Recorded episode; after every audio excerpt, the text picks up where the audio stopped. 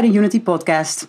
Unity is een vrijwilligersproject waarbij jonge mensen uit de dance scene op festivals en feesten voorlichting geven over uitgaan, alcohol en andere drugs en de risico's die daarbij komen kijken.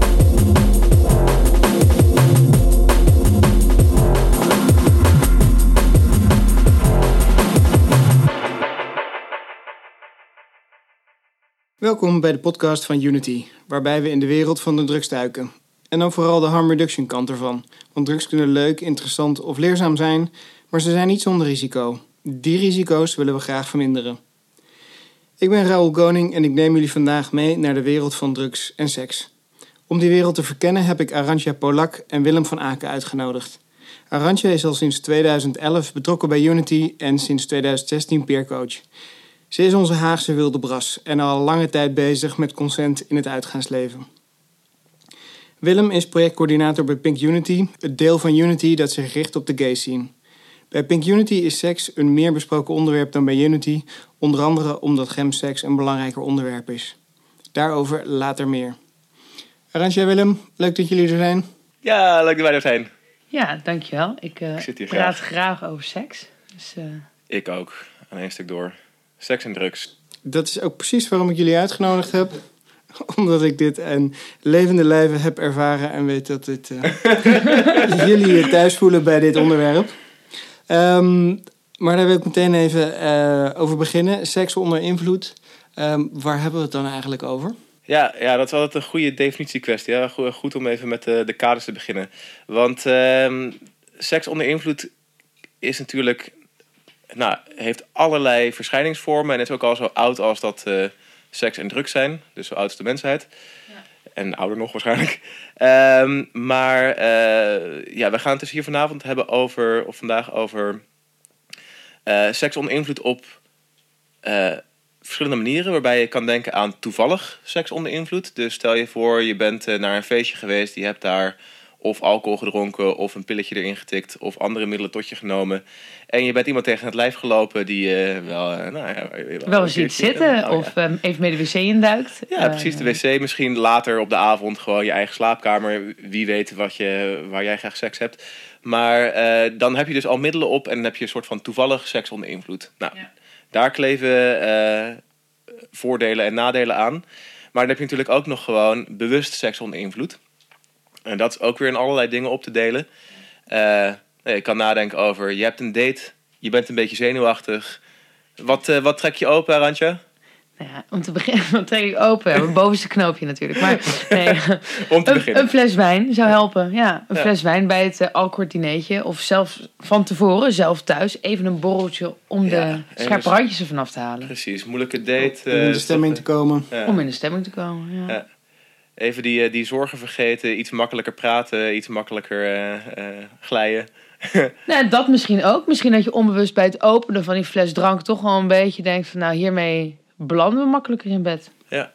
ja, en dan heb je dus die fles wijn al open en misschien komt daar, komen er nog meer middelen bij kijken. En dan, als je eenmaal in bed belandt, ben je dus onder invloed. Ja, Eh, en dan kun, ja, dat is vaak dan een, een soort van seks onder invloed die nog niet eens als bewust seks onder invloed gezien wordt, terwijl dat wel zo is. nee precies. Want dan denk je, ja nee, maar ik ben onder invloed. Oh ja, en nu heb ik seks. En dan heb je nog de, echt de bewuste groep van, hé, hey, ik ga seks hebben Onder invloed van drugs. en daarvoor ga ik gebruiken. En dan heb je allerlei Ja. verschillende middelen die, daar, eh, eh, die daarvoor ingezet kunnen worden. En dan heb je, nou, heb je alcohol, hebben we natuurlijk al genoemd, maar GHB is ook een, een drug die vaak eh, voor seks wordt gebruikt. Eh, uppers, eh, Cocaïne, speed. cocaïne, speed, crystal meth eh, tegenwoordig in, eh, eh, in bepaalde groepen. Komen we later misschien nog terug. Want het is natuurlijk niet een eh, ja of nee, een eentje of een nulletje, maar het is een beetje een, een glooiend spectrum, hoe heet zoiets? Ja, het is een hele, Ja. Continuum. Ja. Precies. allerlei soorten seks onder invloed. Van eh per ongeluk tot, oh ja, maar het is ook zo. En bewust en hard gaan. Ah, Het, het interessante vind ik wel dat dat, zoals jij dat nu beschrijft, seks onder invloed, eh, bewust of onbewust, eh, toevallig of niet, dat dat ook wel een beetje te, te linken lijkt aan groepen. Eigenlijk. Kijk, ik ben een heteroseksuele vrouw. Tenminste, ik moet altijd van mijn omgeving zeggen, tot nu toe een heteroseksuele vrouw. You never know. Ja, Ehm, maar ik weet uit mijn eigen ervaring dat bij heteroseksuele stellen bijvoorbeeld onder invloed seks hebben, en dan heb ik het even over alcohol en softdrugs, is behoorlijk genormaliseerd. En dan sta je er dus eigenlijk helemaal niet meer zo bij stil. Dat het seks onder invloed is. Ja. Precies. Ja, en ik ben een homoman. En eh, onder homomannen is via dating apps afspreken met eh, meerdere sekspartners, losse sekspartners. En daarbij ervan uitgaande dat mensen al onder invloed zijn of onder invloed gaan zijn samen. Maar ook dat bijvoorbeeld drugs die niet echt als drugs gezien worden, zoals poppers bijvoorbeeld, dat die wat makkelijker bij seks komen kijken. En dus, zo zie je dus inderdaad met verschillende doelgroepen dat er verschillende soorten drugs bij seks worden gebruikt. Ja, ik denk ook dat we ehm, als hetero's, als je bijvoorbeeld kijkt naar wat je zegt, eenmalige of eh, One night stands. ja, one-night stands of Scharrels. scharrels. ehm, dat het bij hetero's veel minder benoemd wordt of er überhaupt sprake is van middelengebruik. Mhm. En Ja. dat is natuurlijk ehm, ja, ook interessant om, om bij stil te staan. Ja, want meestal denken mensen inderdaad aan het, het woord gemseks. Ja. Ja. Ehm, en dat wordt dan vaak gekoppeld ook aan de gay scene. Ehm, maar er zijn natuurlijk ook genoeg heteroseksuele stellen die daar ook aan doen. Die bewust een middel gebruiken om seks te hebben. Ja, maar ook dus erbij stilstaan dat iemand misschien niet iets heeft gebruikt. Of dat je er niet bewust bij stilstaat dat iemand iets heeft gebruikt. In de heteroseksuele scharrels zien.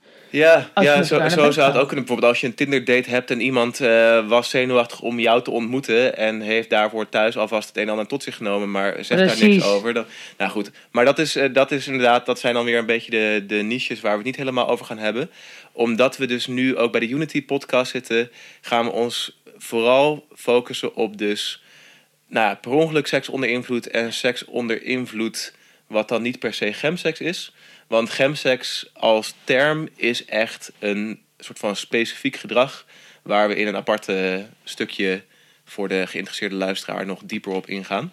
Ja, Eh, wat ik ook nog wil noemen is wat nog wel een belangrijk aspect aan dit hele onderwerp is, wat we ook zeker gaan behandelen, is eh, ongewenst seksueel gedrag wanneer er middelen in het spel zijn. Ja, En dat, eh, want dat kan natuurlijk, dat kan van een, eh, een graai op de dansvloer zijn tot in bed liggen onder invloed en niet meer weten hoe je nee moet zeggen, tot aan in bed liggen onder invloed en niet weten hoe je nee moet herkennen. ook heel belangrijk. Allemaal, eh, allemaal kleverige onderwerpen waar we lekker, lekker onszelf aan gaan branden, denk ik. En doorheen glijden. En doorheen glijden. nou dat belooft wat. Ik denk dat het een heel eh, interessant onderwerp is om ook van de welke doelgroepen te kijken naar. Ja. Waarom pak je inderdaad een bepaald middel? We hebben Ja, het net ja. gehad, eh, wat ik aankaart en wat ik als heteroseksuele vrouw zie, is als stelletje. Maar vooral inderdaad als scharrel of one night stand. Vind het toch een beetje spannend. Je kent elkaar niet zo goed. Je hebt het niet zo vaak met elkaar gedaan. Of je spreekt er niet heel veel over. Dus dan is alcohol toch ook een middel. Eh, in dit opzicht toch ook een drugs. En dat neem je tot je om die grenzen te doen vervagen. En dat, dat weet denk ik iedereen wel. Dat alcohol grensvervagend werkt. Maar uiteindelijk is dat maar het tipje van de, sluier. Ja, Ja, ja. precies. Er zijn veel meer middelen. En Ja. ik denk dat we daar best wel even mee de diepte in kunnen gaan. Ja, wat dat betreft vind ik het goed wat je zegt. Want laten we dan ook zeker eh, een goede vraag is: wie doet dit nou eigenlijk, seks onder invloed? Nou, dan, dan ga je dus kijken naar waar is er onderzoek naar gedaan en wat kunnen we gokken dat dit ook doet. En natuurlijk één grote groep die gelijk opvalt, en ook zeker als we het hebben over eh, alcohol, zijn studenten.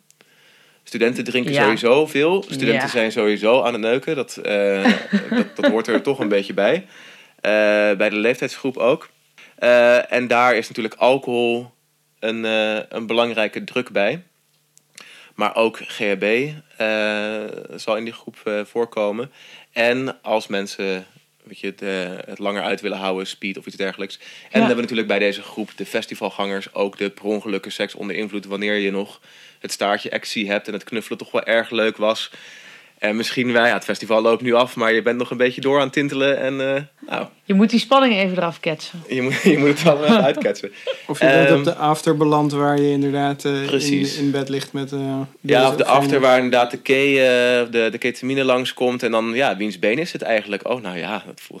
Ja, dus studenten is één grote groep natuurlijk. En dan hebben we Ja. een andere groep die duidelijk in beeld is. eh, is mijn groep, zijn de homo-mannen. De, of de mannen die seks hebben met mannen, om het even technisch te zeggen. Mhm. Dus dat zijn homo-mannen, bi-mannen, queer-mannen, maar ook heteroseksuele mannen die eh, eh, ook een grinder profiel hebben zonder foto.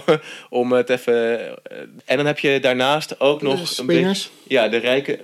Die, die raakt een beetje die groep van homo-mannen zijn de swingers. Dus de, de parenclubs, maar ook de mensen die gewoon in hun eigen netwerk een beetje polyamoreus zijn. En met feestjes afspreken om daar lekker bijvoorbeeld aan de G te gaan met z'n allen. En de kook en aan de erectiemiddelen. En dan lekker te wisselen en te ruilen en te swingen met Ja. z'n allen. Ah. In eh privéboerderij Sonja en dergelijke plekken. Ik moet ook een keer naar een swingersparty. We moeten sowieso een keertje naar een swingersparty. Oh, Lijkt me man. hartstikke gezellig.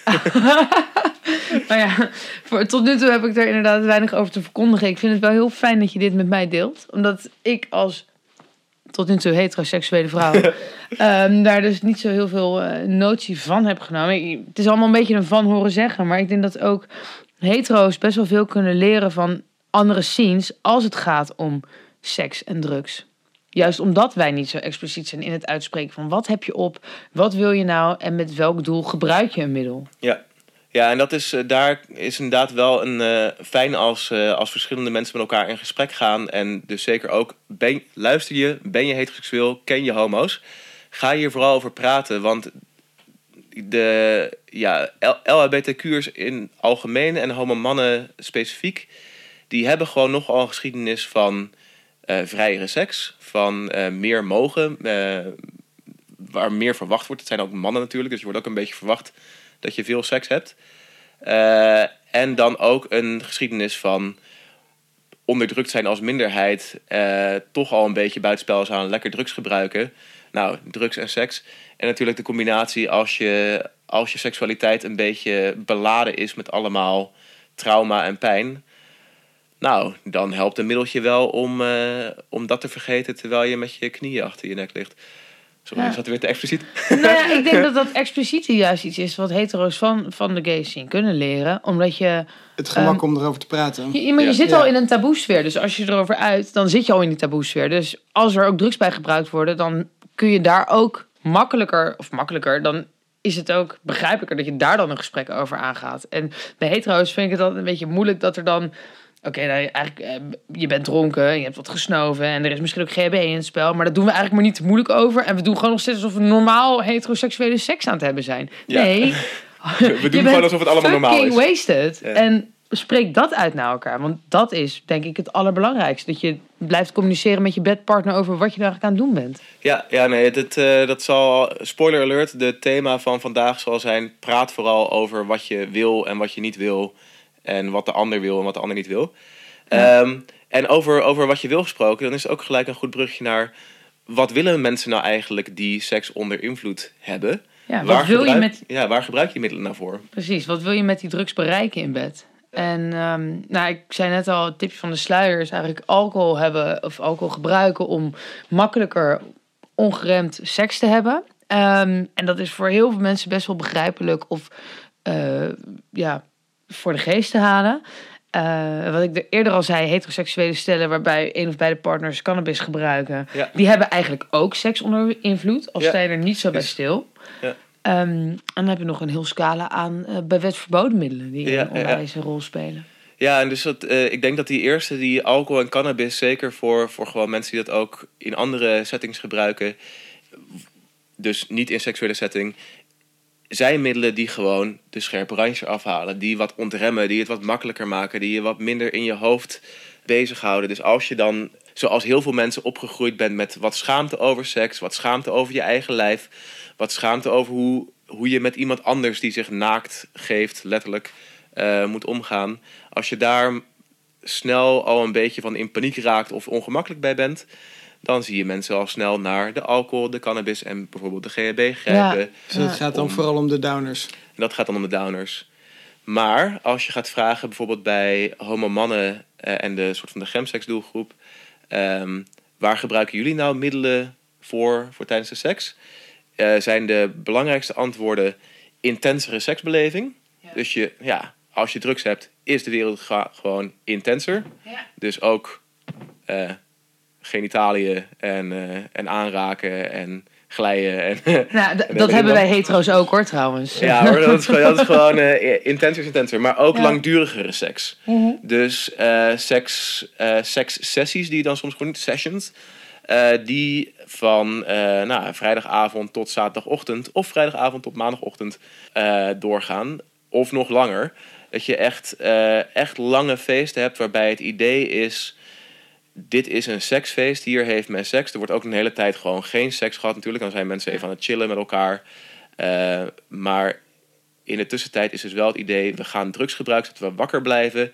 en erin blijven zitten en opgewonden blijven... en gewoon lekker lang door kunnen gaan. Nou, die spanningsopbouw die, ehm, die wordt gerekt. Ja.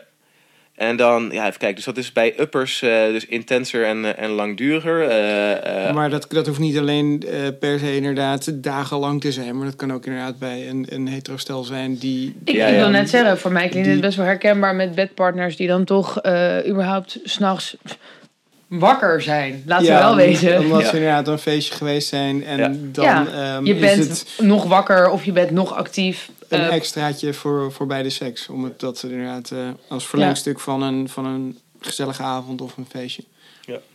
en dan hebben we denk ik... ja, dus dan heb je, heb je dus inderdaad dus die intensere en die langdurige seks met uppers eh, voornamelijk. Dan die eh, eh, minder kopzorgen, makkelijker omgeven, meer ontspannen met downers. Dan heb je natuurlijk al de waarnemingsveranderende middelen, zoals ketamine en nou ja, in mindere mate tripmiddelen, maar ook cannabis is wat dat betreft een waarnemingsveranderend middel.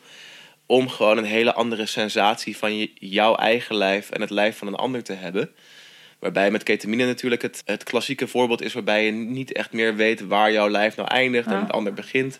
En je echt een soort van kan versmelten in een ander. Dat is natuurlijk voor veel mensen ook een soort van aantrekkelijk idee. Nou, wat ik wel belangrijk vind om te benoemen voor. eh I don't- really care dit moment eh, over je geaardheid. Maar voor mensen die dus nog nooit psychedelica hebben gebruikt en eh, seks hebben gehad. Kijk, op het moment dat je downers of uppers op hebt. Eh, wordt de waarneming niet zo beïnvloed. En kun je in principe best wel lineair naar die climax. Of tenminste, weet je, door zo'n weekend heen werken. Van oké, we zijn bezig. Nee, maar we zijn bezig. Ja. ja, ja. Met lijntjes, ja. Eh door zo'n weekend heen en we gaan uiteindelijk toe naar seks hebben of we hebben constant seks. Bij psychedelica vind ik het lastige of het verwarrende om er dus in te blijven. Ja. En ik In vind, de, de, de moed om seks te hebben. Ja, van, weet je, als je merkt dat je psychedelica op hebt en eh, het is niet meer geil, Ja. het is verwarrend, dat is denk ik al een, een eerste, en dan loop ik een beetje op de zaak vooruit, maar hou er dan rekening mee voor jezelf. Oké, dit is een punt waarop ik best wel aan kan geven, joehoe, ik ben niet meer geil. ja. Nee, maar Kunnen dat- we even eh, gaan scrabbelen of zo? Ja. Of iets anders doen? Nee, nou, scrabbelen lijkt me ook heel lastig aan de psychedelica. Maar dat is inderdaad wel een punt wat... ehm, eh, psychedelica komt wat dat betreft dus ook niet zoveel voor als middel wat echt wordt ingezet als seks onder invloed van middelen. Ja, Omdat het gewoon, omdat je humeur sneller omslaat. En je dan dus kan denken, oh, seks is heel, heel leuk. Oh, nu wil ik eigenlijk gewoon eventjes rondlopen en naar de planten kijken of zoiets dergelijks. ja. En dat kan superleuk zijn. Ik heb wel eens eh, seks aan psychedelica gehad, waarbij er echt totaal geen touw aan vast te knopen was.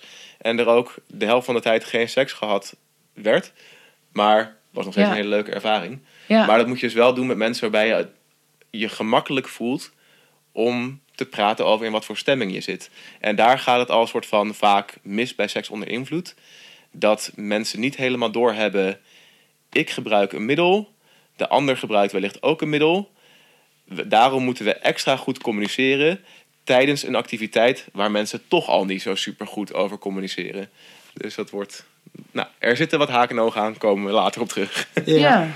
Maar die, eh, de, bij psychedelica is het eigenlijk inderdaad dan een beetje een, een grensverleggend eh, het idee.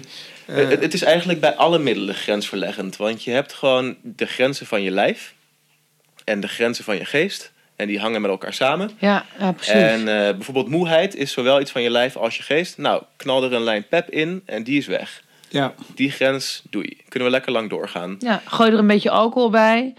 Die grens van een soort van schaamte en, en decorum. En wat zou mijn moeder hiervan zeggen? Nou, dan is die ik hoop niet dat ze luistert. Mam, als je luistert, ik heb nog nooit seks gehad en ik... eh, Ik gebruik geen drugs. Nee, ik gebruik geen drugs. Ehm, maar, dus ja, je hebt dus die fysieke grens van uitputting. Dan kun je op, op uppers voor gebruiken, maar ook bijvoorbeeld ontspanning. Ja. Eh, ah, nou ja, bij vrouwen, dat kijk ik weer even naar jou, Arantje, maar eh, een soort van pijn bij het vrijen, als- zoals het dan heet bij de GGD, is veel voorkomend. Eh, dus dat je ook bijvoorbeeld je, je spieren rondom je vulva erg aanspant. Wat zeg je dat netjes? Ja, goed hè. Ja, ik wil zeggen de spieren rond je kut. Maar ik... En het is ook de vulva, dus laten we eerlijk wezen. Ja. Ehm, eh, dus vaginismus, dat je, dat je gespannen bent in je bekkenbodemspieren en daardoor doet, doet het zeer als, je, eh, als er penetratie is. Ik vind het Nou. wel heel prettig om dit gesprek te voeren met een homo. Want die kan zich daar heel goed in inleven. Ja, als een homo die wel af en toe iets met mensen met een vulva heeft gedaan. Hè, dus ik heb wel, wel, wel een beetje ervaring. En dat is ook het leuke van als een homo seks hebben met vrouwen. Dan kan je gewoon zeggen, kan je me er even doorheen praten, want ik, ik snap dit niet. Stel, ik raad het ook alle heteroseksuelen aan trouwens. Gewoon even vragen. Praat maar even doorheen. Praat me er even doorheen. Hoe werkt dit? Ehm, maar goed. ja, kom je weer terug bij het communiceren. Ja, dat communiceren de hele tijd. Eh, pijn bij het vrije, ook makkelijk eh, voor sommige mensen een soort van een makkelijke reden om te grijpen naar iets waarvan je ontspant, waardoor je pijn minder voelt, Ja. waardoor je gewoon je spierspanning omlaag gaat. Nou, dan heb je dus eh, alcohol en, eh, en andere downers. Nou, en, en dus ook weer toch wel een beetje ketamine, toch? Ja, ja, precies. Maar ja, ik, ik weet niet hoeveel dat dan gebruikt wordt ten opzichte van bijvoorbeeld alcohol en cannabis en Ja. GHB. Het is zelfs. natuurlijk minder laagdrempelig. Precies, dat is toch wel Ja, gelijk een druk. is ook wel een stuk minder echt een seksdruk, heb ik het idee. Dingen worden vaag, dus dan ben je inderdaad meer met andere dingen bezig dan met seks. Is niet echt een middel wat vaak gebruikt wordt bij seks. Ja, dat is ik- niet iets wat je vaak hoort. Eh, ook als we aan de stand staan bij Unity en het gaat over seks, dan is ketamine niet een middel wat vaak eh, genoemd wordt. Als je het dan over downers hebt, dan is het eigenlijk inderdaad vaak gewoon Ja, GHB.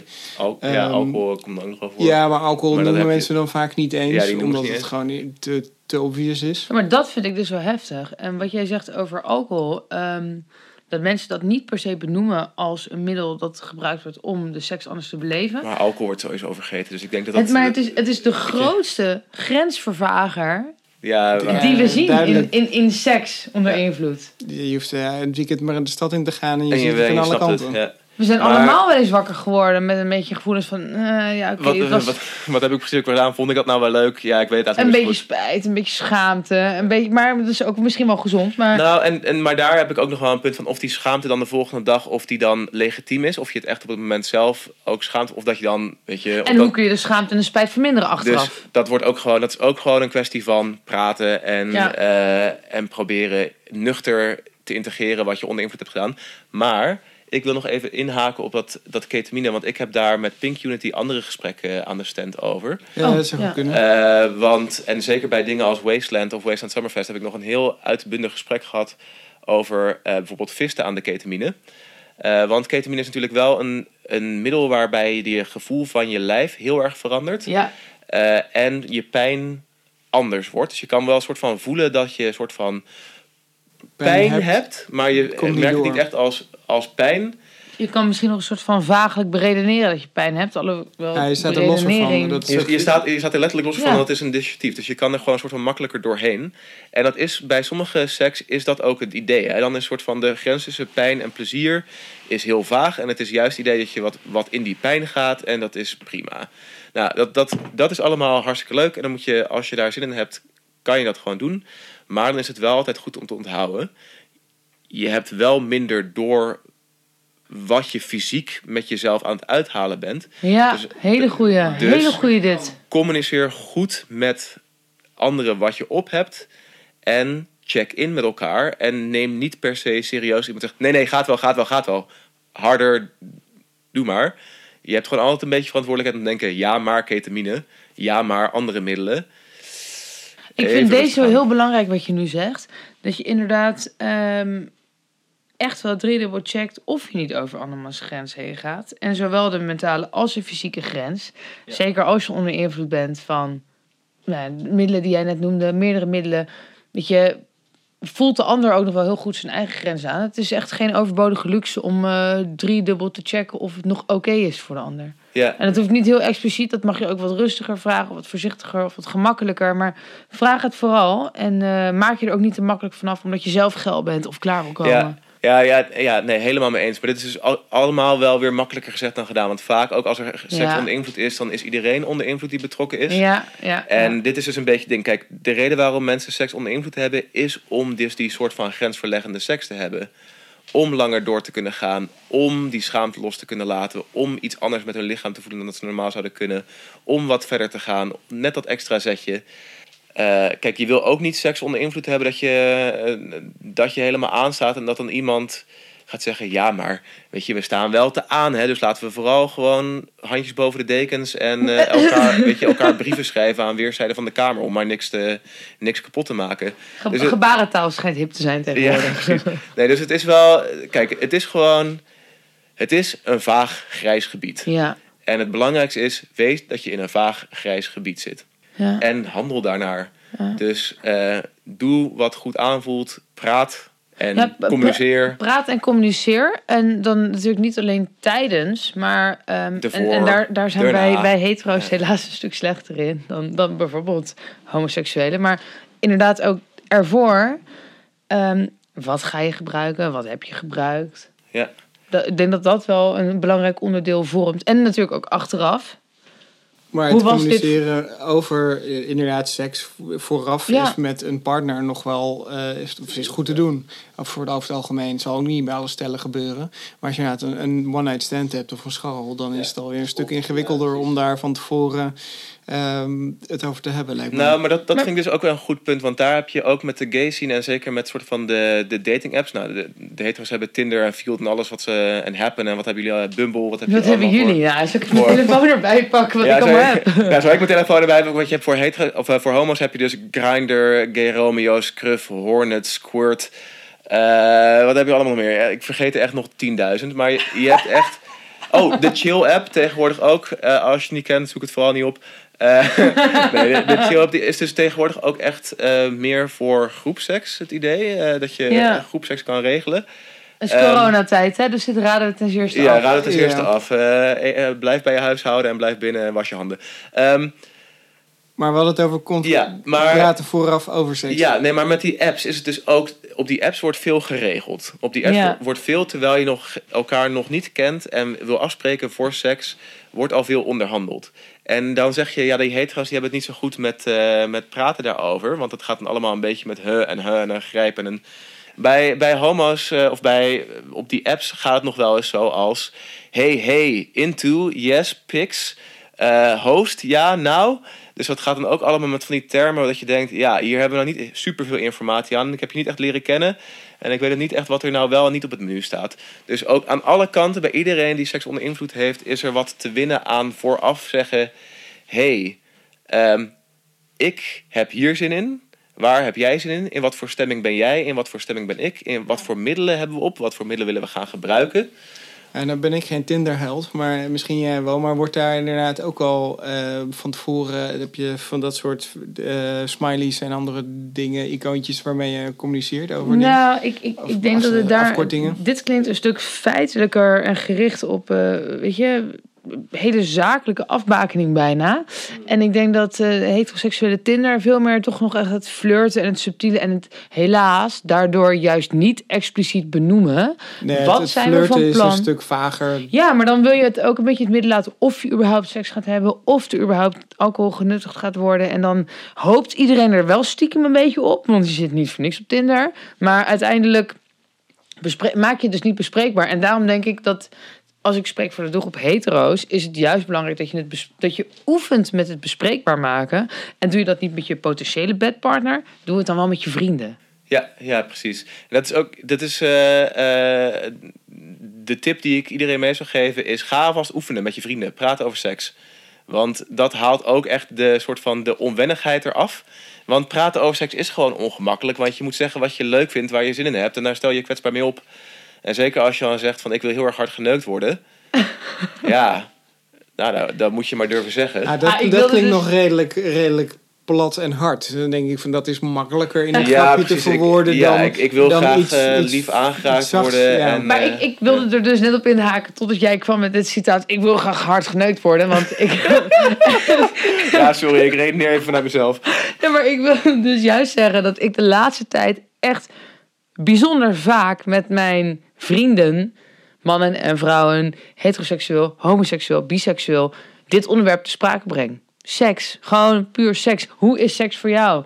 Heb jij seks onder invloed? En hoe Ehm, reageren mensen erop? Nou, ik, ik heb waarschijnlijk gewoon een hele fijne vriendengroep. Maar mensen gaan echt heel erg diep met mij in die... Dat klinkt heel raar. Met mij in die discussie. Ja. Eh, mannen die echt naar me uit van... Nou, dit is hoe wij seks ervaren. Of seks onder invloed. Dit is hoe wij tegenover vrouwen staan. Vrouwen die met mij in gesprek gaan over hoe zij seks ervaren. Want laten we wel wezen, iedereen is verschillend. Dus hoe ik seks ervaar als vrouw... is ook niet voor elke vrouw gelijk. Ja. En dan hebben we het eigenlijk nog niet eens echt heel erg over seks en seks onder invloed gehad. Ehm, maar ik ben er Nee, zelf maar- dus al heel erg mee aan het oefenen van gewoon het bespreekbaar maken van seks. Want we doen het allemaal. We zijn allemaal Ja. volwassen. En daar, daar begint het mee, hè? Want seks onder invloed is dan nog- nog een brug verder. Maar eerst Ja. gewoon praten Ja, over precies. seks. En het is ook een hele goede oefening van... Nou, leer je vrienden kennen en ook- ook leer een soort van verdraagzaamheid. Want nou, ik, heb dan, ik praat ook heel makkelijk met mijn vrienden over seks. Ja, En dan kom je toch achter dat allemaal mensen verschillende voorkeuren hebben. Ja, Eh, ja. een heel duidelijk voorbeeld hiervan bijvoorbeeld is... eh, nou, ik heb een hele goede vriend, echt een van de meest... eh, die, zou, die heeft ook nog bij, bij Unity gezeten, bij Pink Unity. Ook echt een harm reduction held. En die houdt van anonieme seks. Seks in darkrooms, seks met vreemden. Vooral niet al te veel communiceren vooraf en iemands persoonlijke verhaal leren kennen. Maar gewoon even een beetje transactioneel. Ik heb hier zin in, jij kan dit voor mij doen. Ik ben daar zelf helemaal niet van. Eh, maar wij kunnen heel goed met elkaar over seks praten, over wat we allemaal hebben beleefd en wat we daar dan van vinden. Want het enige wat je hoeft te doen is te vragen: wat vind jij leuk? Hoe is dat? Waar loop je tegenaan? Wat vind je moeilijk? Oh, ik heb iets anders. En dan heb je echt een vet leuk gesprek met elkaar over jezelf, eh, over, over elkaar en over jezelf. En je leert gewoon wat trucs en tips. En... Maar dan zijn jullie al een belangrijke stap voorbij, denk ik. Van het, het, eh, het erover durven praten. De hele voorbij van die, in jezelf kwetsbaar durven opstellen. Want ik weet in mijn omgeving ook wel dat gewoon eh, seks vaak geen onderwerp is. Omdat Ja. dat toch wel eng is. Dat is gewoon, ja, dan moet je, moet je vertellen wat je daarvan vindt. En dan is inderdaad drugs en seks is gewoon nog weer een, een stap verder. Nou, misschien moet ik dan Of- eerst een podcast opnemen. eh, drugs en praten over seks. Want ik kan me ook genoeg mensen eh, voorstellen die dan juist in de kroeg met een biertje op en misschien met wat kook erbij. Ga, dan ineens gaan praten over wat ze allemaal wel en niet doen in bed. Ja. En het belangrijke daarvan is, ook dat wederom kan wel. Maar integreer het met je nuchtere bewustzijn. Ja, Ja, Kom er nuchter goed. op terug. Eh, en dan, dan kan je ook een beetje lachen, want het is allemaal grappig. Haha, seks, haha, drugs, haha, dingen die je, die je moeilijk vindt. Maar ze, leer het jezelf gewoon aan. Ga oefenen. Geef het je vrienden cadeau voor kerst. Om te praten over, of over, weet je, welke feestdag er ook aankomt. Ja. Valentijnsdag, wat komt er nu aan? Heel goed Eh, thema. om, om te praten over seks en het gewoon lekker met elkaar te hebben over wat vind je fijn. En ook, als we het dan toch over consent hebben, heb je wel eens negatieve ervaringen gehad? Hoe was dat? Nou ja, wat, wat jij er straks benoemde over het hebben van seks en de term transactioneel, vind ik echt prachtig als heteroseksuele vrouw. Ehm, daar ben ik zelf ook lerende in. En als je onder invloed bent en het hebt over one night stands, makkelijk even seks in een steegje in de wc op de motorkap van een auto. Het kan allemaal heel geil klinken en onwijs als porno. Ehm, in zo'n setting is de vrouw eigenlijk een beetje een meewerkend voorwerp. Is het transactioneel? En in hoeverre wil je daarin meegaan? Ehm, ik weet van mezelf, ik kan makkelijker meegaan in bepaalde vormen van seks als ik inderdaad onder invloed ben. Maar hoe blik ik daar vervolgens op terug? Heb ik het zelf wel echt naar mijn zin gehad? Sterker nog, wilde ik het eigenlijk wel? Ja, ja en dat, ook dat is dus ook een goede om eh, te reflecteren op jezelf. En dat kan heel moeilijk zijn als je dan erachter komt, ja, dat wou ik eigenlijk niet. En dan, dat je dan ook weet, dat is prima om zo'n ervaring te hebben. Spreek daarover. Ja, Eh, spre- spreek erover. Ja, praat met je vrienden, praat met iemand die je vertrouwt. En die kan ook zeggen, oh ja, dat lijkt me inderdaad wel, wel vervelend als dat is gebeurd. Maar daarbij wil ik ook zeggen dat er ook genoeg mannen, vrouwen en alle andere geslachten zijn... die eh, bijvoorbeeld transactioneel gewoon even lekker, eh, lekker even doorgeneukt op een motorkap. Ik hoef zelf niet klaar te komen, maar ik vind het gewoon een heel geil idee dat ik die ervaring voor iemand kan regelen of zo. Op die motorkap. Op die motorkap. Ik heb motorkappen gezien. Ja, in dat, in, dat, eh, in dat leren rokje wat je speciaal daarvoor hebt aangetrokken of zoiets dergelijks. Weet je wel? Kijk, het, la- laat vooropstellen, als jij een fantasie qua seks hebt en jij wordt er geil van en dat lijkt jou een leuk idee, prima, goed zo. Fijn voor je. Praat er met je vrienden over. Anyway, eh, dus dat, dat is consent en dan, ja, dan wil ik... eh, Maar consent is, ehm, dat is inderdaad een, een onderwerp wat de afgelopen jaren ook steeds meer, meer terugkomt. Eh, ben ik Ja, eigenlijk afgelopen wel... jaren. ehm, ik denk dat het eh, onlangs echt nog heel actueel is geweest. Ja, als we het hebben over Me Too. nou, MeToo. Eh nog recenter heeft onze eigen minister Grapperhaus Ja, er wat dingen van gevonden, wat dingen over gezegd. Hij heeft op een gegeven moment een gedurfd eh, idee geopperd over ehm, onderscheid maken tussen verkrachting en seks tegen de wil. Wat ik zelf, ehm, ik wil hem niet te politiek maken, waar ik zelf niet heel erg achter stond. Uiteindelijk is meneer Grapperhaus daarvan teruggekomen. Heeft het toch allemaal in hetzelfde wetsvoorstel beestje bij de naam genoemd, verkrachting. Verkrachting klinkt voor veel mensen heel zwaar. Ik denk dat we hem ook andersom kunnen redeneren. En dat het juist er heel veel belang ligt bij het verkrijgen van consent voor dat en tijdens dat je seks hebt.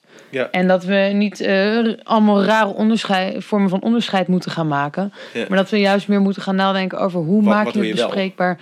Wat wil je wel? Hoe zit consent in elkaar? Ja, ja, nu moet ik wel even zeggen, op dat, eh, dat hele wetsvoorstel van Grapperhaus is voornamelijk, dat, dat zeggen juristen ook, dat zal waarschijnlijk niet superveel, tot superveel meer eh, veroordelingen of iets dergelijks leiden, want het is nog steeds een kwestie van aangeven en Ja. voor de rechter komen. En dat, Ja. is gewoon heel gedoe.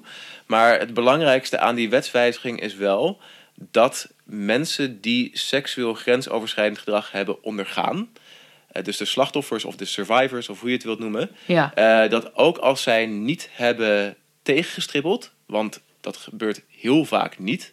Ja. Als zij niet actief eh, hebben geweigerd en, en hebben gevochten en hebben zich hebben verzet, dan is het nog steeds seks tegen de wil en is het nog steeds in principe strafbaar.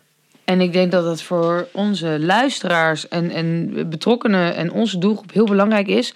Als je het hebt over seks onder invloed, waarbij je misschien in de heat of the moment denkt: ah, ik ben zo geil. Of oh ja, weet je, we zijn hier nu toch al en ik ben toch al zo dronken. Of Ik ben al zo ver gegaan. Ik ben er zo ver gegaan. Ik of, kan. of nog erger, als je de volgende dag denkt: Oh, dat wou ik eigenlijk helemaal niet. Maar ja, ik had ook niet moeten gebruiken, want ik heb het ook wel een beetje op mezelf uitgeroepen. Ja, dan, dan denk ik. En dan hoef je echt niet gelijk je, je ex eh, one night stand, of hoe je dat dan ook op zo'n moment noemt, eh, aan te klagen voor verkrachting. Maar je mag echt wel van de ernst van de situatie uitgaan dat het voor jou een onprettige ervaring was. En om te beginnen, uit dat. En als je het vervelend vindt om het direct te uiten naar degene met wie je naar bed bent geweest, met spijt, uit het naar je vrienden. En het hoeft echt niet gelijk een verkrachter te zijn of het zo te bestempelen, maar wees vooral eerlijk en open over de ervaring die mogelijk onprettig was. Want dat scheelt je heel veel ellende in de toekomst. Ja, en tips voor vrienden. Als iemand aan jou open eh, opbiecht of, of eh, vertelt...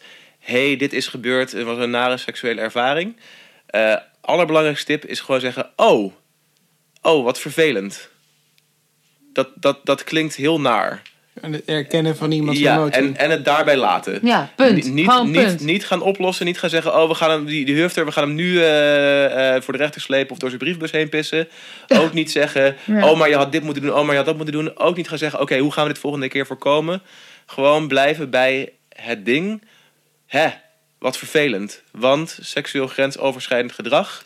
is heel vervelend, is heel naar. Ja, en door het te benoemen en niet te veroordelen, zorg je ervoor dat het niet in een taboe-sfeer belandt. En maak dus dat het voor een mogelijke volgende keer ook makkelijker bespreekbaar wordt. Ja, en, en ook voor de persoon die dan eh, bij wie het is gebeurd, die kan het iets makkelijker verwerken. En als je iets makkelijker verwerkt, kan je er ook makkelijker op terugblikken en daardoor volgende keer makkelijker voorkomen. Dus vooral als iemand na het, als, als iemand na de aanleiding van, eh, aanleiding van deze podcast naar jou toe komt en zegt: Nou, er is dit en dit gebeurd, luister. eh,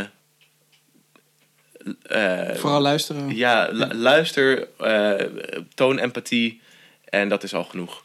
Ja, Ja. En dan als je het hebt over seks onder invloed verder nog en grensoverschrijdend gedrag onder invloed, dan hebben we natuurlijk naast de hashtag MeToo en dus de wetvoorstel ook nog de actie van Rutgers, geloof ik, eh, van afgelopen jaar. Op reactie Ben je oké? MeToo. Ja, hashtag ben je oké. Ik vond hem eh, heel, tenminste, ik eh, zit hier dus als Unity peer coach.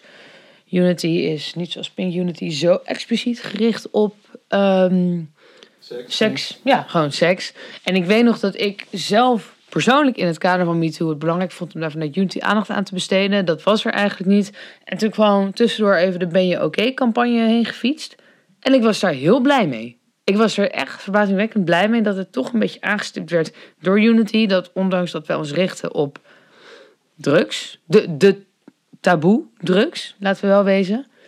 Ehm, dat we ook een beetje aandacht gingen besteden aan seksueel gedrag Ja, in het uitgaanscircuit. Het sluit ook mooi aan natuurlijk bij onze slogan. eh, Think for yourself, care about others. Dat, eh, Ja. ja, care about others. Je bent met z'n allen op een feestje of op een seksfeestje, op een gewoon feestje. Ehm, ja, let op elkaar en met z'n allen vier dat feestje. Ja, Dus ben je oké, is daar, past daar prima bij. Ja, en ben je oké? Ik vind dat een hele toffe campagne, want het is dus inderdaad, eh, weet je, je kan iemand vragen, ben je oké als je denkt, oh, volgens mij gebeurt er iets wat niet helemaal lekker is, eh, wat niet helemaal gewild is. Eh, maar waar die, waar die campagne ook aandacht aan gaf, is, stel je voor, je staat op een festival, je hebt allemaal eh, wat op, het is allemaal een beetje wous, maar je ziet een van je beste vrienden met een, eh, nou, laten we het even een jongen maken in dit geval, eh, bij een meisje dat hij al een tijdje leuk vond, die je dan weer minder goed kent. En die staat er toch wel echt nogal dicht tegenaan te hijgen. En dat, ja, je ziet er toch een beetje wegkijken. Ook dan is Care About Others het slogan wat je moet bedenken. En hoef je niet per se dat haar enorm te gaan verdedigen. Maar je kan wel je vriend aan de kant nemen. En zeggen, hey, volgens mij ver. ben jij een beetje te wappie voor wat hier nu gaande is. En heb jij niet helemaal door dat zij echt behoorlijk een uit, eh, uitweg aan het zoeken is. Dus Heel wij, goed wij gaan nu Ja. gewoon even een rondje lopen. Ja. En eh, ja, totdat die stijf weer is gezakt. Ja, maar eh, wat, wat je nu benoemt vind ik heel mooi. Want binnen Unity en binnen, eh, als ik kijk naar festivalgebruikers, bijvoorbeeld onder invloed van ecstasy, hoe, hoe bijvoorbeeld in jouw voorbeeld mannen onderling dus wel heel erg toegespitst zijn op. eh, ik heb een pilletje op, hij heeft een pilletje op. Oh maat, je gaat echt veel te hard. Kom, we gaan even lekker buiten afkoelen. Dan is die care about others er dus heel sterk. Maar in deze context is hij toch nog een soort van moeilijk. Ja, want je, Is- maar, maar dat is ook dat, dat is het hele idee van ook dat weer dat, dat MeToo en eh, je wil ook niet iemand uitmaken voor verkrachter of voor aanrander of iets dergelijks. Het ligt allemaal super gevoelig. En Ja. daarom probeert, weet je, daarom in nuchtere staat, wanneer praat al over seks met vrienden, dan wordt het al een heel stuk makkelijker. Ja. En net zoals je niet tegen iemand zegt van... Wow, jij bent echt een junk eh, dat je nu al, alweer een sleutelpunt eh 3MMC wil of zo Ja, dat is dergelijks. echt hele gradaties. Ja, je zegt gewoon, hey, volgens mij ga jij iets te hard. En eh, volgens mij gaan wij nu een rondje lopen. Zoiets. Op zijnzelfde lichtzinnige manier kan je zo'n situatie ontzenuwen. Eh, je kan ook gewoon, als je zoiets ziet, ertussen gaan staan en het hele onderwerp veranderen. Ja. Eh, de situatie veranderen en dan achter, achteraf even checken met mensen. hey, had jij door wat daar gebeurde? En misschien bij de, de, het slachtoffer zeggen, hey, hoe is het met jou? Heb jij iets nodig? maar, en- maar als je het daarover hebt, slachtoffer, zelfs dan is dit heel moeilijk. Hmm. Als je zelf, eh in, in jouw voorbeeld geschetst, eh, het meisje in kwestie bent, of de vriendin van het meisje in kwestie, is het ook altijd een, nog een drempel om te vragen van, hey, vind je dit wel chill? Want als het inderdaad het spel der liefde is, of gewoon geflirt op de dansvloer, Ja. dan wil je er ook weer niet tussen gaan zitten. Precies. En dat maakt het inderdaad zo'n heel moeilijk en niet duidelijk gedefinieerd onderwerp. Nee, maar daarom is die, die slogan, ben je oké, die is gewoon best wel neutraal. Je kan je meerdere dingen opvatten. Dus daarom is het best wel een goede Ja. eigenlijk. Ja, want het is ook je- echt heel chill als je bij iemand checkt en zegt... Net zoals, weet je, ga je lekker met je, met je ecstasy? Dat iemand zegt, ja, ik ga lekker. dat- ik, ik zit ik gewoon even, ik zit even vaag in een... eh, Prachtig ik heb iets te, iets te veel genomen, dus ik zit eventjes in, eh, in een hoek eh, Ja. te wachten tot de, tot de piek voorbij is. En daarna ga ik weer hard. Als je aan iemand vraagt, ben je oké, zegt ze. eh, en, en iemand zegt, ja hoor, ik red me wel. Weet je, ik... Ja. niks aan de Maar, maar wees ook niet, want ik heb inderdaad zat mensen meegemaakt. En die kunnen echt tot vervelens aan toevragen. Ga je lekker? Keihard uit je dak. En zij is nog keihard uit hun dak. Ga je lekker om de vijf minuten. Kan super irritant zijn. Maar bij deze een oproep naar in ieder geval al mijn heteroseksuele vrienden. Net zo vaak als dat jullie irritant aan mij vragen, ga je lekker? Vraag inderdaad, als iemand met mij staat te flirten, ben je oké? Liever tot vervelens aan toe. Ik Ja. denk niet dat we daar heel erg bang voor hoeven te zijn. Nee, dat dat tot vervelens toe gevraagd wordt. En het is gewoon een, eh, een goeie. Ja. Het is gewoon Maar fijn. een mooie, mooie vergelijking, Willem, met eh, Ga je lekker. Ik denk dat die eh, inderdaad voor onze luisteraars Ja. wel heel ehm, Ja, behapbaar is. ja en dat, is dan- dan, dat gaat om omgeving. Maar ik denk ook dat we nog wel even kunnen praten over... eh, ja, om mensen een soort van handvaten te geven over consent zelf en consent onder invloed. Ja, ik dacht al, we zijn daar volgens mij nog niet helemaal eh, klaar mee met het onderwerp. Want je hebt inderdaad neg negatieve consent van nou, dit wil ik echt niet. Nu ga ja, je te hoofd ver. op. Ehm, Die eigenlijk het moeilijkst te zeggen is. Want Nou, daar, Nou. daar, daar durf ik nog wel over in discussie te gaan. Want weet je, het is best wel makkelijk als iets gebeurt. Je, het, er, zit, er zit een soort van stigma op dat je voor sommige mensen dat je niet mag weigeren. Maar ook daar hebben we best wel wat slagen gemaakt. Dat je best wel kan zeggen: Ho, nee. Maar het is makkelijker om te zeggen, ja, ja, ga door. Ja, ga door. Het, het is makkelijker om te zeggen: Ja, ja, ga door. Maar wat nog minder makkelijk is dan ja, ja, ga door en ho, nee, dit wil ik niet, is: Weet je wat ik wil? Ik wil dit en dit en dit en dit. Ik wil dat jij dit bij mij doet. En als je daarmee klaar bent, dan wil ik dat jij dit doet. en dan wil ik dit bij jou doen. En dan gaan we daarna dit doen. ik vind het nu al confronterend dat je dat tegen me zegt. En we ik hebben niet je ook seks. heel strak aan te kijken terwijl ik het zeg. Nee. Dat horen ze gelukkig niet. Nee. Nee, maar ehm, ja, dus het verschil tussen negative consent, positive consent, eh, eh, ja, lekker uh kreunen, eh, blikken en dergelijke. Maar dan ongoing positive consent, waarbij het idee is dat je dat zodra een soort van een ja wegvalt, bijvoorbeeld als iemand aan de G oud gaat of aan de alcohol oud gaat, of niet meer kan brabbelen en er alleen maar onzin uitkomt, dan is er geen positive consent meer. Dus in dat geval, als er twijfel is over is het nou gewenst, ja of nee, ik krijg geen antwoord meer. Pauze. Even ophouden. Even Ik, iets anders doen. ja, ik vind dat een hele mooie. Want eh, niet per se bij twijfel niet doen klinkt heel resoluut. Ehm, maar wat jij zegt, bij twijfel pauze. Dat is Of bij, milder. of bij twijfel een stapje terug. Ja. Eh, dat, je, dat je dronken bent en in een steegje staat en denkt: Oh, dit is wel heel geil, dit is wel heel geil. Op een gegeven moment denkt: Oh, dit is wel heel ruw. Dan, dan hoeft Ja, iemand ja. niet gelijk weg te lopen en jou een soort van half ontkleed achter te laten.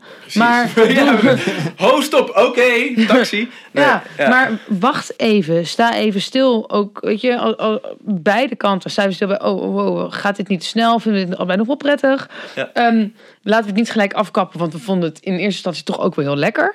Maar laten we even checken en tune in on each other, care about each other. Precies. Wat waren we aan het doen? Vonden we het allebei wel En lekker? eh, ja, die care about each other en care about yourself. Omdat het ook, soms kost het even tijd om je grenzen aan te voelen. Zeker onder drugs.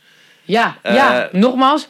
Het ja. kost even tijd om je grenzen aan te voelen. Dankjewel voor dit En benoemen. je daar Maar- inderdaad niet alleen eh, voelen, maar ook even over nadenken. Ja, Ja, maar eh, juist kijk, als je het hebt over de heteroseksuele seks onder invloed, waarbij we dus de hele tijd alcohol gebruiken en ons er niet van bewust zijn dat het grenzen vervaagt, Ja. is het heel goed om je die grenzen te realiseren. En ja, we kunnen wel de hele tijd hebben bij consent en bij soort van dat eh, eh, seksueel grensoverschrijdend gedrag over dat grenzen respecteren.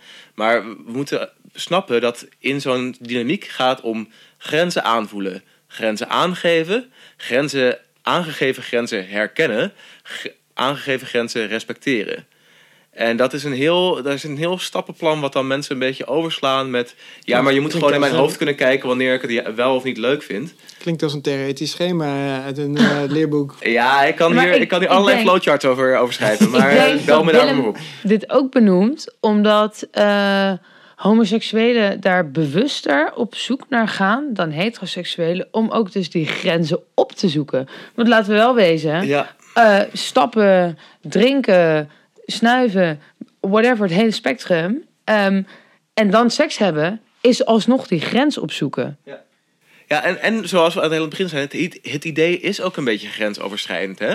Je, wil, je wil in dat grijze gebied zitten, want We daar zitten die dingen die je niet maar kent. het moet en niet dat te is zwart leuk. worden. Maar als je dan in dat grijs gebied ineens in het zwarte gebied komt, als je daar overeenkomt en je denkt, hè? Want de meeste mensen die wanneer ze een grens voelen, voelen niet per se, oh nee, dit niet, maar die voelen vaag ongemak. Ja, Is dit nou? En dit, hier wil ik ook de, de negative consent, de nee mee, eh, mee remmen. Want dit is iets wat ik bijvoorbeeld, dan kom ik even met een persoonlijk verhaal. Eh, ik en mijn vriend. Mijn vriend is, eh, is lekker mannelijk. Die is dus ook gesocialiseerd met... als je één keer een nee krijgt, dan is het een soort van... Ga door. Nee, nee, niet, niet ga door, maar misschien. Oké. Dus dan kan je nog onderhandelen. Dus ik weet, ik en mijn vriend, we hebben 3,5 jaar wat. Ik weet, één keer nee is geen nee. Dus als je dan nee zegt, dan heb- is het, is het wel pauze en is het eventjes een soort van... eh, oh, hè, wat is er aan de hand? En dan, nee, nee, nee, nee. Dat is, dat is duidelijk. Oké, Dat is nee. duidelijke. even, even alles los. Even, er is wat aan de hand. We moeten even kijken. Maar En hoe zit dat bij heteroseksuele stellen? Wat is jouw ervaring daarmee? Daar- Daar val ik even een beetje stil op. Dat zit, nee, maar echt, dat is een lastige. Want nou, ehm, dan zal ik het misschien vanuit mijn perspectief Nee, maar Als ik, ik, denk, ik denk dat het, eh, eh, het, het, ehm, het kronkelen in bed of het jagen in de club, dat kan allemaal nog deel uitmaken van het spel der liefde. Ehm, ook omdat, wat ik al een paar keer eerder benoemd heb, dat heteroseksuelen misschien niet zo expliciet zijn in de communicatie omtrent seks, omdat dat van ons niet hoeft of verwacht wordt, omdat heteroseksuele seks niet per se taboe is. We nemen allemaal maar aan dat het normaal is. Dus je gaat ook niet zo eh, op dat niveau in gesprek met elkaar. Ehm, nou, ik vind dat een hele lastige vraag. Ik ben dat namelijk, wat ik zei, ook zelf aan het bevragen in mijn omgeving en aan het ontdekken.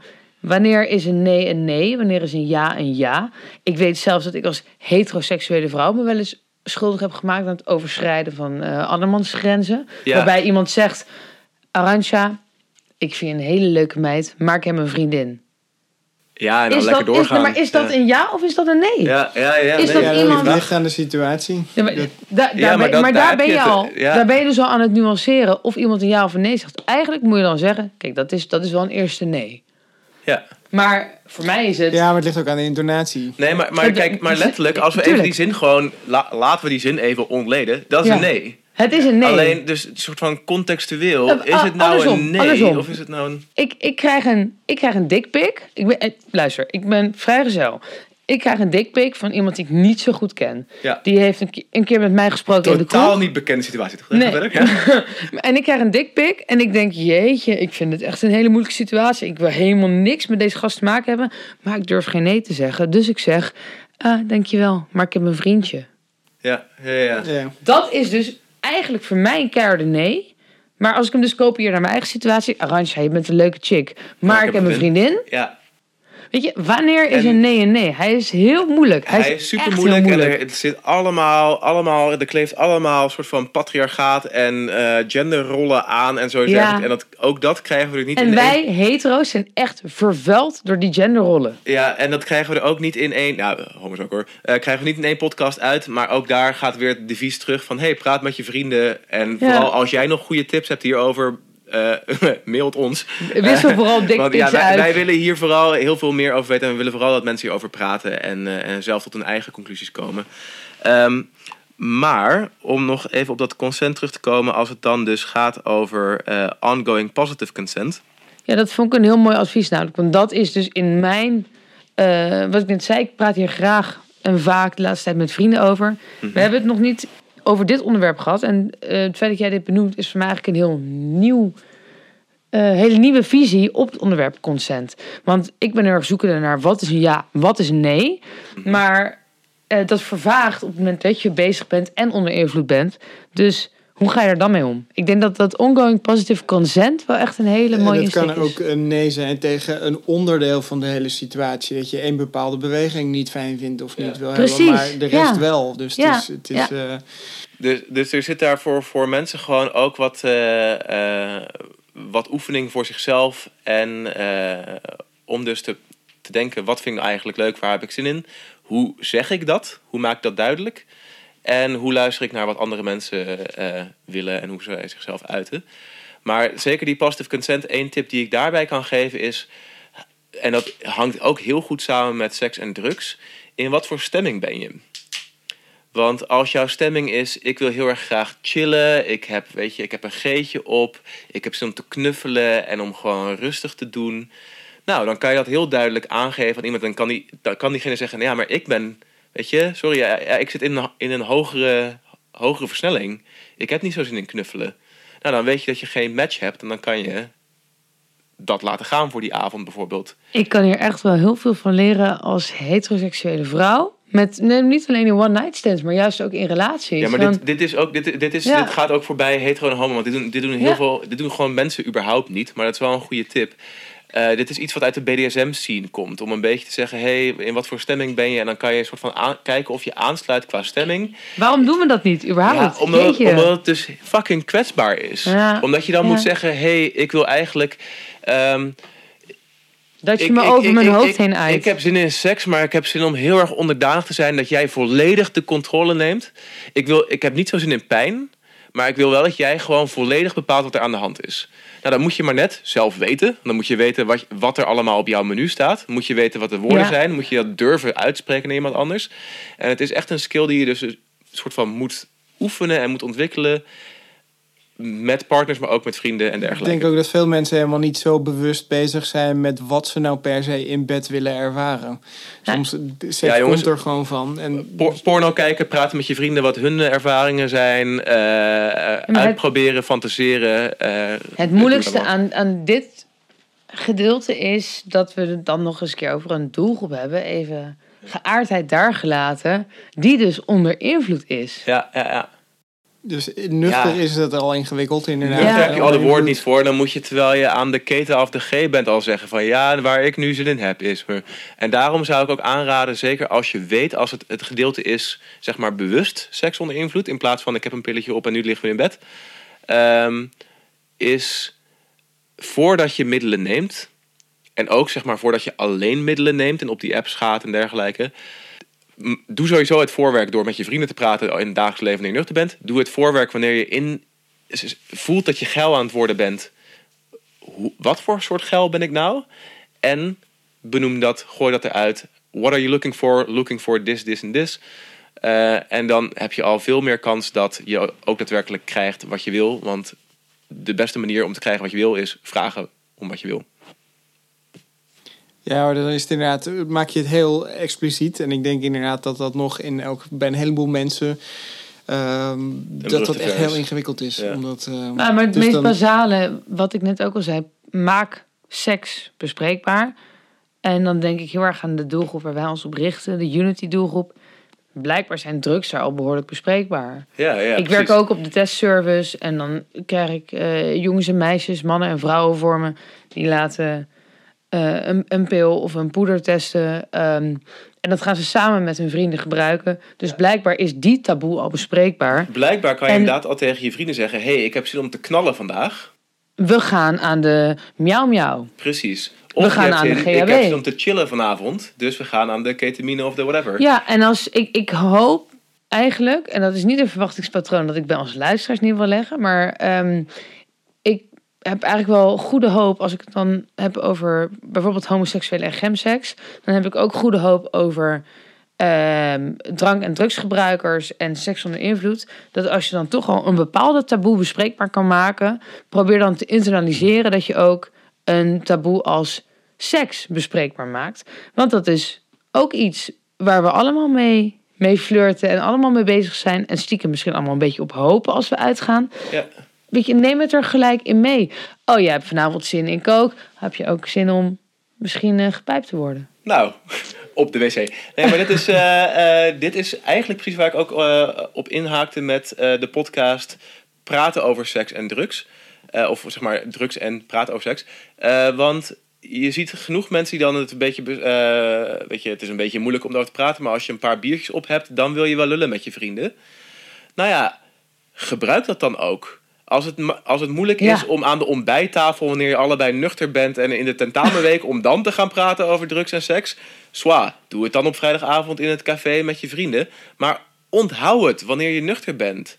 Integreer het en breng het in praktijk. Ik zit hier onwijs te lachen op de achtergrond, maar ik heb een keuzevak gedaan over seksuologie. En ik heb dus inderdaad een paar keer aan de ontbijttafel gezeten bij verschillende vrienden. Oké, en hoe denk je dat jouw baarmoeder in je lichaam ligt? Ja, Dat is niet- naar voren, naar achter en die eileiders dan. ja, maar geknakt, maakt niet uit. Maar dat was niet onwijs gewaardeerd tijdens Kellogg's en koffie. Maar dat er zeiden, dus pak vooral Andere je moment, voel het aan. En ik denk dat het inderdaad ehm, de allerbeste oefening is die je kunt doen als... eh, hetero, homo, gender, geaardheid maakt voor mij even niet zo heel veel uit. Maar probeer vooral in te zetten op maak het bespreekbaar. En oefen dan juist met je directe omgeving. Niet per se met je vader en je moeder. Mama, ik hoop steeds niet dat je luistert. Maar Ja. Ja. Hey, maar Hey, dat is, En dat gaat ook al inderdaad om ehm, seks onder invloed van alcohol en cannabis. Of Ja, misschien inderdaad, want we hebben het nu af en toe ook over best wel extreme middelen zoals GHB, ehm methamfetamine, ketamine. Ja. Een heleboel mensen die dat niet gebruiken. Maar ook bij cannabis en bij alcohol is dit al ehm, heel erg relevant en, en belangrijk om te doen. Ja, en laten we ook eerlijk wezen, hè? Zowel seks en drugs zijn grappig ook. Eh, en eh, dus je kan het ook allemaal. eh, zulke gesprekken zijn ook leuk om te hebben. Ja, het hoeft niet altijd wat- pittig, maar het kan ook luchtig. Ja, het, je kan het ook gewoon. eh, het- er zit natuurlijk altijd een risico aan dat je een gevoelige snaar raakt. Maar ook praten over drugs en seks kunnen Arantje en ik eh, je alles over vertellen. Is ook gewoon hartstikke leuk. En ik denk dat dat, nou ja, dus praten met je vrienden en eh, praten met je partners en je sekspartners is de, de voornaamste harm reduction tips. Die hebben we al inderdaad al honderd keer terug Ja, maar dus is een goeie. eh, ehm, dan eh, zijn er ook nog een beetje hele praktische dingen als je kan het ook zover maken als je het van de, van de BDSM-scene wil leren om een eh safe word af te spreken. Hey, Oh, we- sorry? een safe word. Hey, Ja, we, hey, ja, we weten ja. dat we vaag gaan, dus als ik zeg bananasplit, dan eh, Houd het op. houd het op. En dan gaan we gewoon even nadenken tot, tot we weer weten wat er wel aan de hand is en dan gaan we, gaan we door. Eh, en natuurlijk veilig vrijen. Dat is, Ja. eh, dat is een hele grote. Gewoon, kijk, condooms zijn de beste manier om bacteriële SOA en zwangerschap te voorkomen. Maar Eh, ehm, ja, de, ik heb een prachtig kindje, maar ik weet zoals eh een van de beste hoe belangrijk het is. Oh, Nee, nee, nee, maar Ja. het, het- niks ten nadele van mijn prachtige dochter. een prachtig ongeluk zit in een klein hoekje. Sta erbij stil. Inderdaad, zwangerschap, ehm, maar inderdaad ook SOA's. Ja, Weet je, juist als je onder invloed bent en grenzen vervagen. eh, alcohol is grensvervagend, maar ook cocaïne. Ah joh, ik zal niet diegene zijn die een SOA oploopt. Kom op toch. ja precies. In Ja, Nederland is helemaal geen AIDS. Whatever je ook denkt. Ehm, Nee, maar het, echt waar. Je, bespe- bespaart jezelf een heleboel ellende als je daar gewoon van tevoren al of een Ja. beetje afspraakjes over maakt. Of zelf al een standpunt in inneemt. En, en wat- wat dat betreft, kijk, soms als je aan de drugs bent, ben je ook gewoon een beetje een kleuter. Dus dan moet je het, eh, terwijl je nuchter bent, heel makkelijk voor jezelf maken. Eén goede tip, condooms overal in je kamer verstoppen.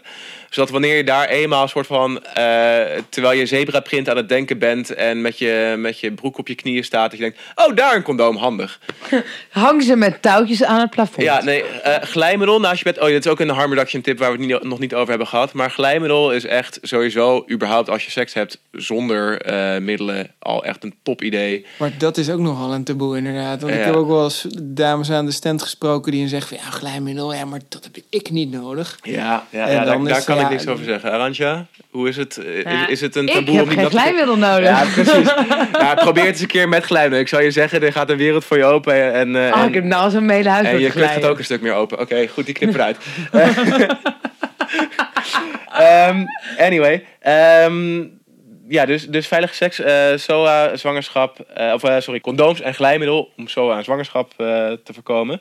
En nog een hele belangrijke voor seks onder invloed, zeker als we het hebben over bewust seks onder invloed. Dus ik ga dit middel gebruiken, want dan kan ik me beter ontspannen, want dan kan ik langer door, et cetera.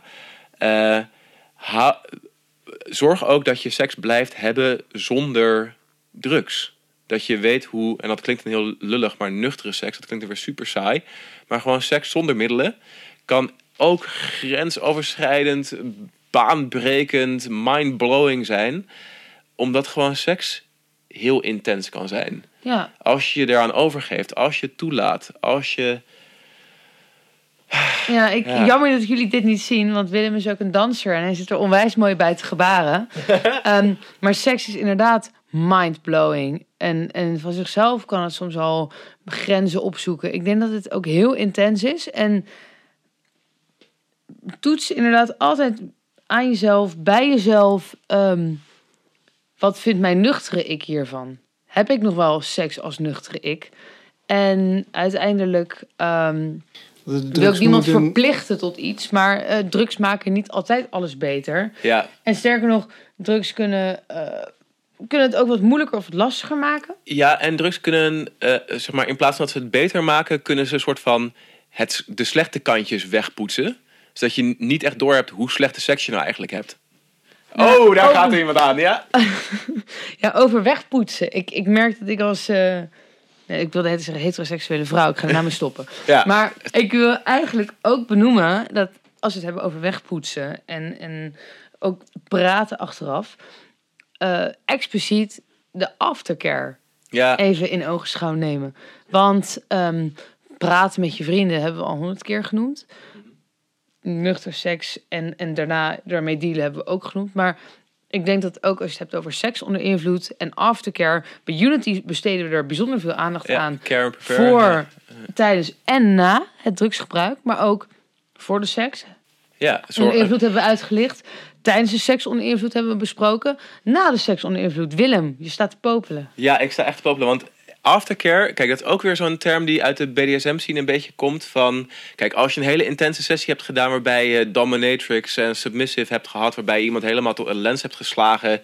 Eh, of of eh, vastgebonden hebt en dergelijke. Dan is iemand heel kwetsbaar. En als dan de, de scène afgelopen is en iemand is weer uit de touwen en is weer een soort van. eh, dan, nou, wat, wat wil men dan? Douchen, een beetje verzorgd worden, een beetje terugkomen Ja. van het idee van helemaal vernederd en kapot gaan. Terug naar oké, ik ben weer een normaal mens. Maar hetzelfde is ook zo, bijvoorbeeld bij seks onder invloed. Het kan super intens zijn. Op een gegeven moment raken de drugs ook uitgewerkt. En wat ik aanraad, is om bij elkaar te blijven tot de drugs is uitgewerkt. Want dan heb je ook die come-down samen. En dan kan je daar een soort van tot elkaar komen. Eh, en dan kan je samen douchen, kan je samen... Weet je, één ding wat ik echt relaxed vind nadat ik eh, seks heb gehad met mijn vriend of eh anderen of all of the above onder invloed, is na afloop het bed verschonen, douchen, de spullen opruimen, alles wat erbij komt kijken. Nou, vind- Want dan heb je zo'n heel ritueel van even afbakenen, je komt weer tot elkaar, je bent weer, je bent ook naast die soort van extatische versie van jezelf, ben je ook gewoon als normaal mens met elkaar. Of zelfs kwetsbare versie van jezelf. Een beetje rauw, een beetje huilerig, beetje wow, wat is er allemaal gebeurd? Ik vind, ik vind die eh, Ik suggestie van, nu. van, van samen douchen vind ik echt fantastisch eigenlijk. Want ja, tenzij je echt een onwijze aparte one-night stand hebt gehad. Van een studentenhuis met, eh, met een douche met schimmel op de muren. Ja. Maar dan Ja, sta ik, nee, maar ik sta dan echt wel open Herkenbaar. voor laten we even samen douchen. En samen ook dit moment weer van ons afspoelen. En dat je er ook samen doorheen gaat. Ja, want dat, dat heeft dus ook te maken met dat integreren met je nuchtere zelf. Kijk, een, een seks is toch een ervaring die je soort van per definitie, tenzij je seks met jezelf hebt, met iemand anders deelt. En het is goed om daar inderdaad stil te staan bij dat vooraf, tijdens en na, dat het allemaal onderdeel is van de boog die je samen doorloopt. En dat, het, dat je daar gewoon samen, samen uit, samen thuis soort van doet. En niet halverwege je high, wanneer je klaargekomen bent, vertrekt. En dan wanneer je met de calm down zit thuis, denkt, god, dat heb ik allemaal gedaan. Ben ik toch een gore slet. Bla, bla, Maar, bla. maar, maar dat is denk ik de allerergste. Dat je inderdaad het niet... Je hoeft het niet expliciet uit te spreken. Want dat hebben we al een paar keer eerder uitgelicht. Praat met je vrienden, praat met die en die. Dat kan heel moeilijk zijn. Je hoeft het denk ik niet per se expliciet te bespreken. Maar zorg in ieder geval dat je de ander deelgenoot maakt van jouw ervaring. Waardoor je met een minder beladen gevoel schaamte Ja, ja. of spijt huiswaarts keert. Dat, Ja. dat, dat is het allervervelendste. Dat je een ervaring hebt gehad omdat het helemaal niet prettig was. Of dat het beschamend was. Of zelfs traumatiserend. Dat je denkt, nou ik ga nooit meer seks hebben. Of ik ga nooit meer drugs gebruiken en seks hebben. Ja, precies. Want la- laten we wel wezen. Seks en drugs zijn stiekem ook wel gewoon hele leuke dingen. Ja, en dat, zeg maar, dat, dat eh, soort van aflopen, dat, eh, dat bouwt ook voor. Want kijk, je kan natuurlijk seks hebben met anonieme partners of met een one-night stand. En dat kan allemaal hartstikke leuk zijn. Maar toch waar heel veel mensen ook wel een behoefte aan hebben, is seks met iemand waar ze vervolgens een langdurige relatie mee aangaan. Is als je dan toevallig bij, met je eerste of je tweede of je derde of al, al die dates onder invloed bent, maar je wil wel door naar iets samen, dan is het heel goed om dus inderdaad samen te douchen, samen het bed te verschonen, samen dingen te doen en samen weer nuchter te worden. Eh, zodat je ook die extatische ervaring, dat genot kan integreren in gewoon een nuchter bestaan samen. Ik eh, kan uit eigen ervaring zeggen dat het echt niet verkeerd is om een keertje een one-night stand die je hebt leren kennen onder invloed uit te nodigen en proberen samen nuchter seks Ja, te hebben. dat Dat kan. is. eh, Kan echt, en zeker als je het ijs al gebroken hebt onder invloed, hè, dan kan je namelijk terugrefereren. Ja, op, maar hey, dat, dat- hebben we al gedaan. Jij hebt me echt al op mijn, op mijn raars gezien. Zullen we gewoon nu eh, een tandje minder doen? Ja, maar hoe leuk is dat? Ja, echt. Oké, mooi. Eh, we hebben al flink wat eh, onderwerpen de revue laten passeren. Ehm, ik denk dat het mooi is om hem even ehm, misschien af te sluiten... om nog even kort per groep middelen langs te gaan... wat nou eigenlijk de belangrijkste risico's, tips, tricks, voordelen en nadelen zijn.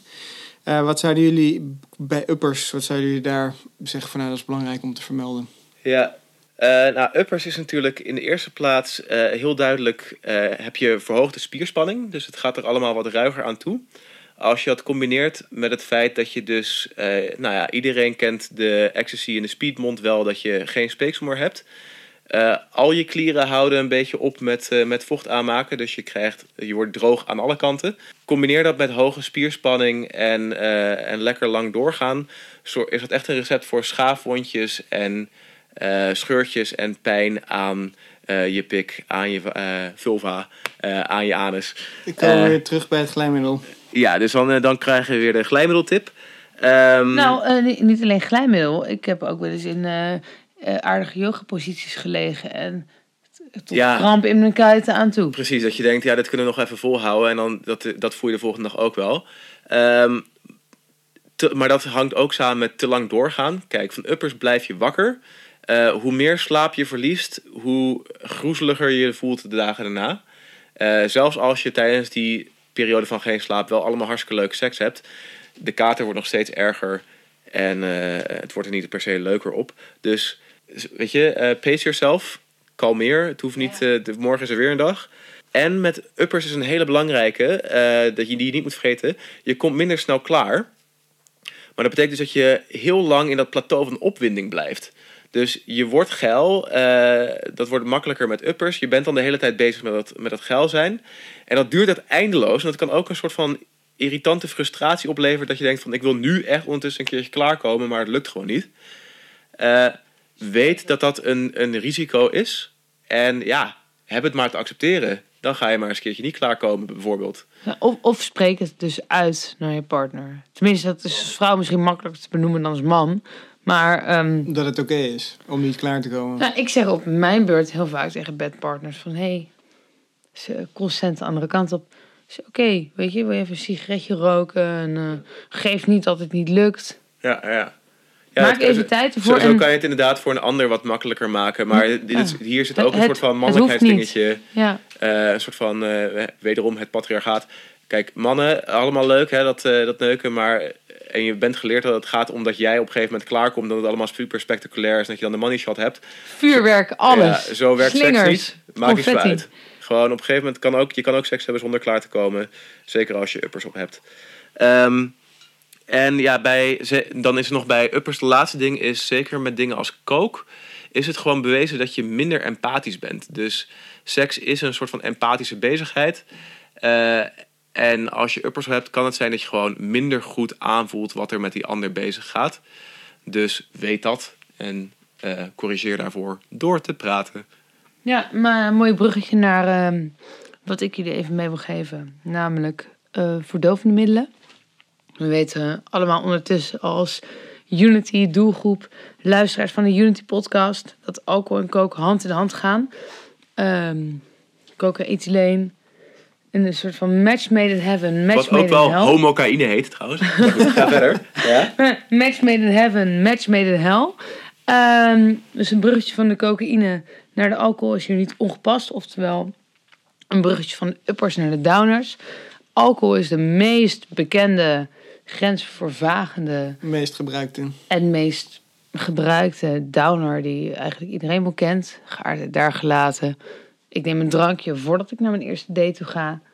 Maar ehm, hebben we ook nog een paar middelen, waaronder GHB die al eerder genoemd werden, om eh, de geilheid aan te wakkeren, om toch de, seksualiteit op gang te brengen. Het lastige aan het grensvervagende En het, eh, het, het downer gedeelte is dat je inderdaad op het moment zelf toch wat minder stilstaat bij wat voor effect heeft het middel, wat voor effect heeft de seks op mijzelf. Sta ik er wel achter? Vind ik het, vind ik het eigenlijk echt wel fijn? Of laat ik me meer meeslepen door de situatie? Dit zijn hele duidelijke risico's die op kunnen treden bij downers. En eh, belangrijk om te benoemen, zeker in het kader van GHB en alcohol en de combinatie daartussen, vind ik het uitgaan. Uh, ik ben zelf niet zo'n hele grote fan van GHB. Heb het wel heel veel in mijn omgeving gezien. Daarom vind ik dit een hele belangrijk om te benoemen. Mensen met wegdraaiende ogen, mensen die niet zo lekker gaan, die even rust willen, maar misschien nog steeds getriggerd zijn tot geilheid of seks. Je, daar telt consent driedubbel en dwars. En laten we dan uh, een beetje onderling afspreken dat geen antwoord ook gewoon nee is. Ja, jongens, knikkenbollen is geen ja. Knikkenbollen is geen knikken. Ja, uh, om het nog explicieter te maken. Maar, um, Plus ik... om gewoon misschien algemeen Unity even snel ertussendoor te gooien. Oud gaan moet je altijd zien te voorkomen. Ja. Oud gaan is niet oké. Okay. Ja, ja, ik vind hem echt heel belangrijk. Dus nogmaals, uh, dus mijn persoonlijke invulling. Ik ben geen fan van GHB. Maar ik vind hem heel tricky in, uh, als we het hebben over downers. En afwezigheid of vermindering van bewustzijn. Alcohol kennen we allemaal vanaf ons 16e, 18e en we kennen we allemaal door en door. Uh, gooi er GHB bij en je hebt gewoon best wel een gevaarlijke cocktail. Als het geen uh, levensbedreigende cocktail is, is het misschien wel een, een traumatische cocktail. Want iemand gaat veel sneller over grenzen heen, voelt ook veel minder snel grenzen aan. En um, dat wil je gewoon voorkomen voor jezelf. En ja. je wil ook geen dader worden in zo'n verhaal. Precies, je wil ook. Dus dat is voor zowel degene die, die dan gebruikt, of als er iedereen gebruikt weet je, je kan je eigen grens overgaan, je kan iemand anders grens overgaan. Dus bij twijfel, wat we eerder al zeiden, pauze. Pauze, pauze. En check even, want weet je, uh, 10 seconden pauze kan al, 10 seconden is meer dan genoeg om te checken. Ben je eigenlijk nog wel wakker? En, ja, en, en vijf minuten pauze is ook niet zo lang, hè? Dus Uh, nee, als, als, je al als je vier uur, vier uur lang seks hebt, is vijf minuten echt heel is, kort. Is vijf minuten echt heel fijn. En dan wil ik door uh, naar trippers. De eentje die ik nog wel bij de downers dus inderdaad even wil noemen, of misschien eigenlijk meer samenvatten, is dan dat uh, meeste mensen denken van nou, downers ga je dus minder doorbewegen of minder door, door doen, minder lichamelijke activiteit. Maar het ontremt het kan ook juist die remmingen wegnemen. Dus dat je juist meer. Uh, ja, vind, vind ik heel fijn dat je dit benoemt. Ik heb dat zelf ervaren. Ik kan zelf onwijs um, slachtoffer of juist schuldig zijn aan het ontremmende effect van alcohol. Voel me veel sneller geneigd om iemand aan te spreken, te benaderen of voor mezelf grensoverschrijdend gedrag aan te gaan. En um, ik denk dat dat heel belangrijk is om bij downers uh, in te zien of voor jezelf Bewust in te zijn dat dat gebeurt, ja. Ja, weet, probeer jezelf daarin te leren kennen. Als je van jezelf weet, ik ga heel snel van 0 naar 100, wat ik dus zelf heb, met, met alcohol achter de kiezen. Dat ik uh, of een omgeving uitkies waarin ik dat prettig vind, of waarin ik veilig ben om dat te doen.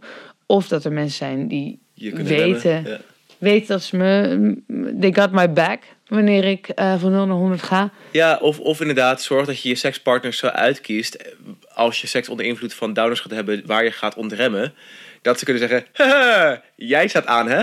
Laten we dat even niet doen. En dat je gewoon ja. teruggeroepen ja. kan worden door je sekspartner. Ja, en, en dat, dat ze het ook niet onwijs awkward of zwaar hoeft te maken van... Oh, je bent dronken? Nou, dan ga ik nu naar huis. Want nee, precies. Oh, jij, oh, jij bent dronken? Wij gaan gewoon nu eventjes een boterham eten. Ja, ja, dat. Ja, maar dat het ook niet gelijk heel zwaar hoeft te zijn. En wat je eerder al, al zei van die ongoing positive consent. Het hoeft niet, nu is het slecht, dus nu stoppen we ermee. Doe je, zoek het uit met je dronkenschap. Maar dat je dus in gesprek gaat over...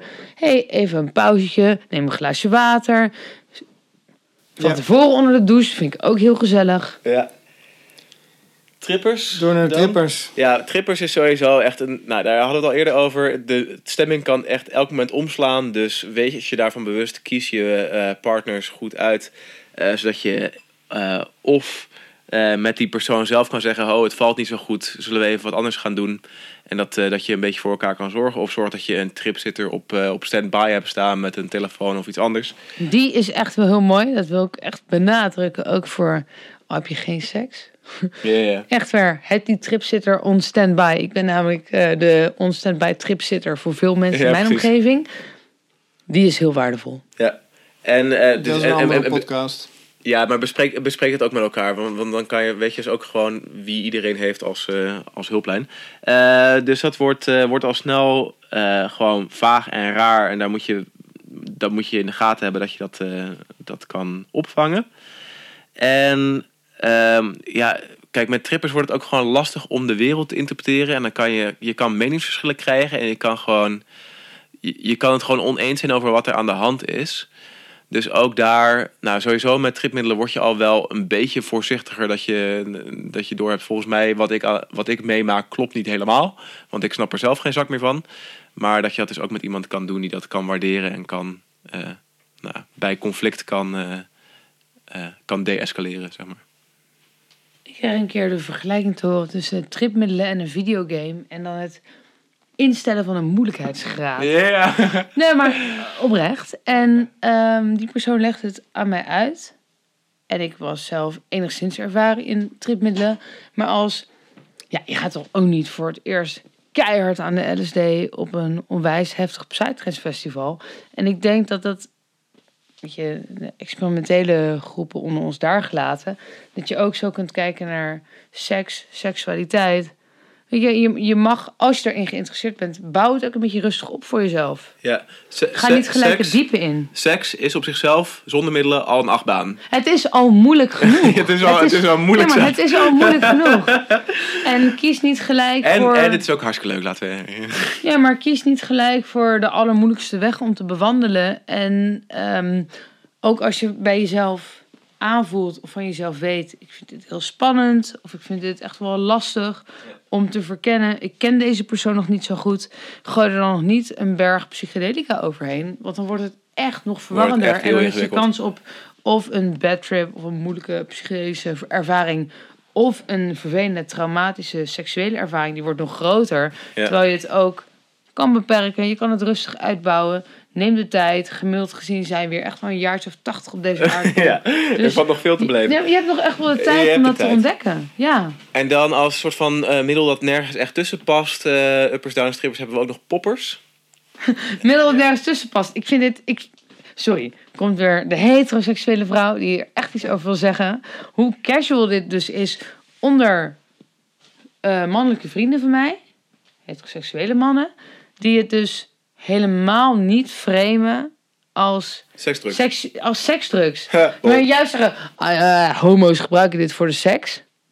Maar zelf gebruiken ze het ook maar al te graag. Ik vind Oh, hem ja. zo Tijdens seks, of gewoon in Nee, niet tijdens de seks, Nee, maar wel op gewoon... een feestje, maar- ja. Wel dus heel erg dit moeten No benadrukken. homo, maar ik doe eventjes een shotje poppers. Ja, ja, ik ken hem. No homo. Dat is echt een hashtag inderdaad. Ik weet het. Ja, ik, Ja. Ik, ik wens die, eh, die mensen veel succes. En voor hen dezelfde, eh, dezelfde harm reduction tips als voor de homo's en de, en de mensen die het wel gewoon gebruiken terwijl ze flink doorgepaald worden. Ehm, van poppers, dat zijn, eh, dat zijn vluchtige stoffen, alkylnitrieten. Als je die op je huid krijgt en ze verdampen dan, dan, laat ze chemische, dan kunnen er chemische brandwondjes ontstaan. Dus je kent wel het poppersneusje van die schilferige, eh, ontstoken neusvleugels de volgende dag. Gewoon poppers niet tegen je neus aandrukken en dan heel erg gaan ingaan. Gewoon onder je neus houden. Stap 1. Niet drinken. Ja, iedereen? Top. En eh, voor de rest dus ook, weet je, vaseline na afloop op je neus smeren is een goede. En ehm, ja, Is met geen mate. overbodige luxe. Ja. Ja, hey, en, eh, en bij natuurlijk bij al die middelen, bij uppers, downers, trippers, poppers en de hele rimram, eh, wat je nog meer kan bedenken, geldt, eh, wat we eerder zeiden, eh, heb ook seks zonder die middelen. Zodat je niet afhankelijk wordt van, soort van jouw seksuele respons, je- wat jij leuk vindt in bed, dat dat altijd gepaard gaat met gebruik. Want geloof me, je hebt vaker zin in seks dan dat je zin hebt in drugs. En als je even vaak zin hebt in drugs als dat je zin hebt in seks, dan wordt het misschien wel tijd om even met iemand te gaan praten over jouw verhouding tot drugs. Want ja, Nou ja, om het drugsgebruik en het, eh, de, de seksuele beleving niet te willen problematiseren, maar wel uit te lichten. ehm, er is natuurlijk een wisselwerking tussen bevredigbare behoeftes. En realiseer je heel goed dat het ene middel zich er meer verleent dan het andere middel. Maar bevrediging zoeken kan problematisch worden. En eh, voel je geroepen door deze podcast om erover te praten, dan zijn we echt vrij benaderbaar. Ja, als je inderdaad hierdoor ook denkt van, nou, ik wil, eh, ehm, ik merk dat ik met of met seks, of met drugs, of met seks onder invloed van drugs, heb ik toch wat, wat vragen over mijn eigen gedrag en eh, hoe het allemaal zit. We, hebben, we zijn super benaderbaar en we hebben ook heel veel informatie online staan. Zeker. Ja, daar was ik inderdaad benieuwd naar. Want ehm, waar kunnen mensen dat inderdaad vinden? Nou, mensen kunnen sowieso voor eh, bij Unity terecht, unity.nl voor middeleninformatie. Alles over alle middelen die je ooit willen weten. Pinkunity.nl is iets specifieker ge- gericht op seks onder invloed. Dus ook dat voor, voor het niet-pink publiek. Kijk er vooral op, want er zijn allemaal handige tips over wat je wel en niet moet doen als je onder invloed van een bepaald middel seks hebt. En dan zijn er nog de specifieke soort van seksuele gezondheidssites zoals mantotman.nl en sens.info.nl. Sens.info. Ja, en ja. dan durf ik echt nog wel zo arrogant te zijn. Dat ik eh, Willem en mijzelf als een soort van celebrity zie. En Yeah. vraag dus daar nog rond in je eigen netwerk. En zorg gewoon dat je of bij ons of bij eh, onze directe Unity-omgeving uitkomt. Waarover wij ook heel graag dit gesprek voeren. Ja, precies. Een, een mailtje naar info.unity.nl of pink.unity.nl komt altijd, kan altijd bij ons terechtkomen. hey, ik heb die podcast gehoord, ik had er nog wat vragen over. Zus en zo, we staan je graag te woord. Willem en ik praten zo twee dagen vol. En ze kunnen jullie voorlopig ook nog wel aan de stand, eh, als we weer mogen na corona, natuurlijk aan de stand eh, vinden voor een, eh, een live gesprek. Ja, Willem en Rantje, ik wil jullie heel erg bedanken. Ik heb als gesprekleider eigenlijk heel weinig hoeven doen in dit gesprek. Want jullie vuurden heerlijk op elkaar af. Dus dat was voor mij een, eh, een makkelijke taak. Het was me waar genoegen. Mooi. ik vond het... Volgende keer naakt. Eh, sorry? Nee. Mooie afsluiter. Beiden heel erg bedankt. Dankjewel. Yes.